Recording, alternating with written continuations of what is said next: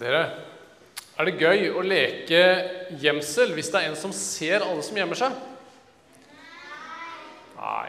Eller å leke mørkesisten hvis det er en som liksom har sånne briller at han ser i mørket? Nei. Det er ganske urettferdig, ikke sant? Og I dag så skal vi lese en historie som er nesten litt sånn. Den starter nesten litt sånn.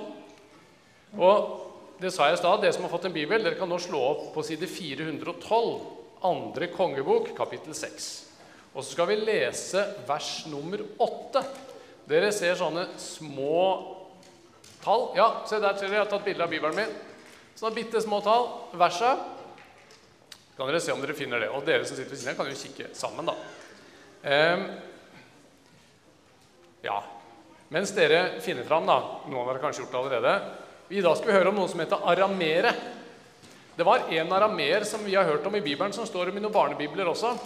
En som var syk.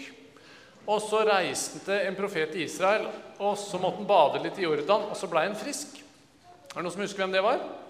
Det er en arameer som heter Naman. Og Den historien er litt fin, men den, den står på sida før den historien vi skal lese i dag. da. Vi skal lese om den andre arameere, og de var naboene til Israel. Og Nå skal vi lese den første setningen bak. bare. Der står det Arameekongen lå i krig med Israel. Ja, vi må stoppe allerede der. Um, de arameerne de er ganske på krigsstien. De er liksom De er ganske sterke, ganske tøffe. Og nå vil de ut og plyndre og røve i Israel. For de var mye svakere, så hvorfor skulle ikke de bare ta for seg? De hadde Ja, de ville jo stjele, og så ville de bortføre folk som slaver. Det var greit å ha noen folk de kunne bare herse over og gjøre, si at de, ja, gjøre de dårlige jobbene. Og de hadde sverd, og de hadde hester, og de hadde vogner. De var rett og slett sterkere enn Israel. Så nå var de på vei da for å ta dem. Og så hadde de lagt en plan, og den skal vi lese om hvert øyeblikk. Men først én ting. Er det greit å ta ting fra de som er svakere enn seg sjøl? Er det greit å oppføre seg sånn som de ville? Det er ikke det. F.eks. hvis man er en tiendeklassing og er mye sterkere enn en førsteklassing. Man kan ikke bare ta det førsteklassingen har for det. Det er ikke greit. Det lærer vi på skolen. Det lærer vi i Bibelen. Du skal ikke stjele. Det er ikke rettferdig. Det er ikke bra. Gud syns jo heller ikke det, da, siden han har gitt oss et eget bud som heter 'du skal ikke stjele'. Men vi voksne vi kan noen ganger være litt lure. Og så kan vi tenke at jo, jo, men vi kan jo bare gjøre en veldig god handel. Og for eksempel, ja, Det kan jo være at noen barn kan bli frista. Kanskje en bitte lite barn finner en hundrelapp og skjønner ikke helt hva han skal med den lappen her. Og så sier du, 'Vet du hva? Du kan få en tyggis av meg, så kan jeg få den lappen av deg.' Og lille barn sier selvfølgelig, 'Ja, tusen takk. Fikk en tyggis, så du får bare noe papir.' Og så tenker du 'Å, der gjorde jeg en god handel'. Og han var jo med på det. Han sa det var greit. Så alle var jo enige om at det var greit. ikke sant? Nei, vet du hva? Det er også å stjele. Det er bare å stjele på en litt mer snikete og lurete måte enn å gjøre det bare talen. Så det budet, det er Det handler liksom om å elske sin neste, da. Og gjøre gode handler også for sin neste. Men nå må vi litt videre, da. Fordi denne aramekongen, han, han brydde seg ikke om disse buda. Du skal ikke stjele. Han var jo konge, og han var sterk, så han ville ikke bry seg om det. Eh, skal vi lese litt videre. En gang rådførte han seg med mennene sine, og han sa, 'Jeg vil slå leir på det stedet og på det stedet og på det stedet.' Han skulle legge seg, han skulle gjemme seg for israelsfolket. Har du gjemt deg noen ganger og vært på tur eller noe, så løpt litt i forveien og så gjemt deg bak et tre og så hoppa fram og så skremt de som kom etter? Det har jeg sett noen som har gjort, i hvert fall. Det var litt sånn, da, bare at han skulle ikke bare skremme. Han skulle stjele og plyndre og røve også. Og så legger han en plan, da, ikke sant? Hvis vi legger oss her bak det fjellet der, og så kommer israelsfolket forbi der, så hopper vi fram, og så tar vi dem. Og så tar vi dem som, som slaver. Eh, så det var planen. Men så var det en profet i Israel på den tida. Han het Elisha. Og han fikk vite av Gud det som skjedde. Det var han som liksom kunne se hvor de andre gjemte seg, for å si det sånn. For Gud fortalte han hva arameerkongen tenkte. Og så sa han det videre til Israels konge. Du, nå må du passe deg ikke gå bort dit, for nå ligger aramerkongen med sin hær der borte. Så hold dere unna og pass. si til folkene at ikke de skal gå bort dit. For da blir de tatt. Kan du tenke deg aramerkongen? Han blei sinna. Han var helt rasende, for han hadde jo de gode planene og de gode gjemmestedene.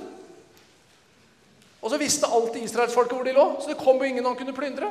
Han var helt rasende, og han sa til de som var rundt Hvem er det som sladrer til israelskongen? Han vet jo alle planene mine. Det er jo ikke noe gøy da å leke gjemsel. Det er ikke noe gøy å dra og plyndre når ikke det er noen som kommer. Og så var det en av mennene til kongen som sa Konge, det er profeten Elisha. Han forteller hvert ord du sier, videre til kongen i Israel. Han er jo en profet. Ja, Det var en som hadde skjønt det. Elisha hadde kontakt med Gud. Hva tror dere arameerkongen tenker å gjøre da? Ja, hva hadde vært klokt å gjøre? Ja, det han tenker å gjøre Vi tar Elisha. Vi må jo ta han profeten, da. Det var løsninga, tenkte kongen. Ja, var det lurt? En profet som var på lag med Gud, som vet planene til denne kongen uten å høre det engang. Og så tror kongen at han skal ta ham til fange. Men arameerne har jo en sterkere hær enn den lille profeten. Så skal vi høre åssen det går. Skal vi lese fra vers 13. Da sa kongen Gå og finne ut hvor profeten er, så jeg kan sende folk og gripe ham. Han fikk melding om at profeten var i Dotan, det er altså en liten, en liten by. da. Og dit sendte kongen en stor hær med hester og vogner. De kom om natta og omringa byen. Profeten Elisha og en av tjenerne hans de er i et lite hus i en liten landsby. Og Om morgenen så går tjeneren ut. Åh, åpner han døra, og så går han ut. Og så ser han en enorm hær med fiender som står rundt byen og rundt der de bor. Og Han blir selvfølgelig livredd, og han løper inn og sier det til profeten Elisha. Det er fullt av fiender rundt byen. Hva skal vi gjøre nå? Det er klart han var livredd. Men så sier Elisha noe som vi skal lære oss. Og det skal vi se på skjermen her nå. Vær ikke redd. Det er flere som er med oss, enn med dem. Kan vi si det sammen i kor? La oss prøve nå. Vær ikke redd. Det er flere som er med oss, enn med dem. En gang til. Vær ikke redd. Det er flere som er med oss, enn med dem. Men var det sant? De var to stykker, og så var det en diger hær utafor døra deres. Da må vi lese litt videre. Så ba Elisha og sa, Å Herre, lukk opp guttens øyne, så han kan se. Herren åpnet hans øyne, det var altså den tjenergutten da, og han fikk se at fjellet var fullt av ildhester og ildvogner rundt om Elisha. Vet dere, Gud hadde sendt sin beskyttelse til Elisha. Han gutten så det ikke i utgangspunktet, men Elisha så det, og han visste det. Jeg er trygg. Gud har en plan. Ingen kan vinne over Gud, uansett hvor mange hester og vogner de har. Og nå fikk tjeneren se det også. Det var ildhester og ildvogner overalt. Vær ikke redd. Det er flere som er med oss, enn med dem. Gud, han er alltid med oss. Også der hvor det ser helt håpløst ut, eller der hvor vi er redde og fortvila. Han glemmer ikke de som tror på ham. Vi hørte i stad Cornelia leste. For så høyt har Gud elsket verden, at han ga sin sønn, for at hver den som tror på ham, ikke skal gå fortapt, men ha evig liv. Han sendte Jesus sånn at vi skulle vite Gud er sterkere enn fiendene våre. Han er sterkere enn døden, til og med. Også selv om ikke vi ser det. Vi er litt sånn som han tjenestegutten noen ganger. Vi blir redde, og vi ser ikke Guds beskyttelse. Men hans engler er med oss. Også der hvor det er vanskelig, så kan vi vite Gud ser oss. Han glemmer oss ikke.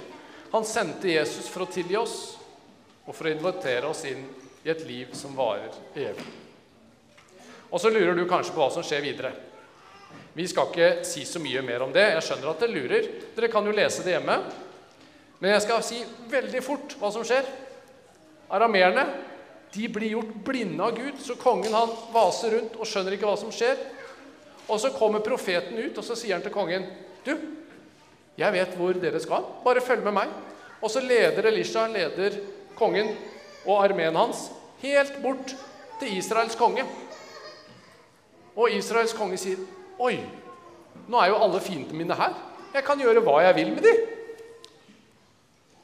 Og så, og så spør han eh, Elisha da skal jeg, bare, skal jeg bare slå de ned nå, og ta de alle sammen og straffe de endelig. Så sier Elisha, 'Nei, det du skal gjøre, du skal sette fram mat og vann til disse her, så de kan spise seg mette.' Og så sitter fiendene der foran Israels konge, og de spiser seg mette. Og så får de lov å reise tilbake i fred. Tror dere de kom tilbake og plyndra mer etter det? Jo, ikke det, vet du. Så israelsfolket her så overvant de det vonde med å gjøre godt. Det tar vi med oss i dag. Kjære Gud, takk for de flotte historiene du har gitt oss i Bibelen. Takk at du er sterkere enn alt annet. Takk for at du vil være hos alle som tar imot deg.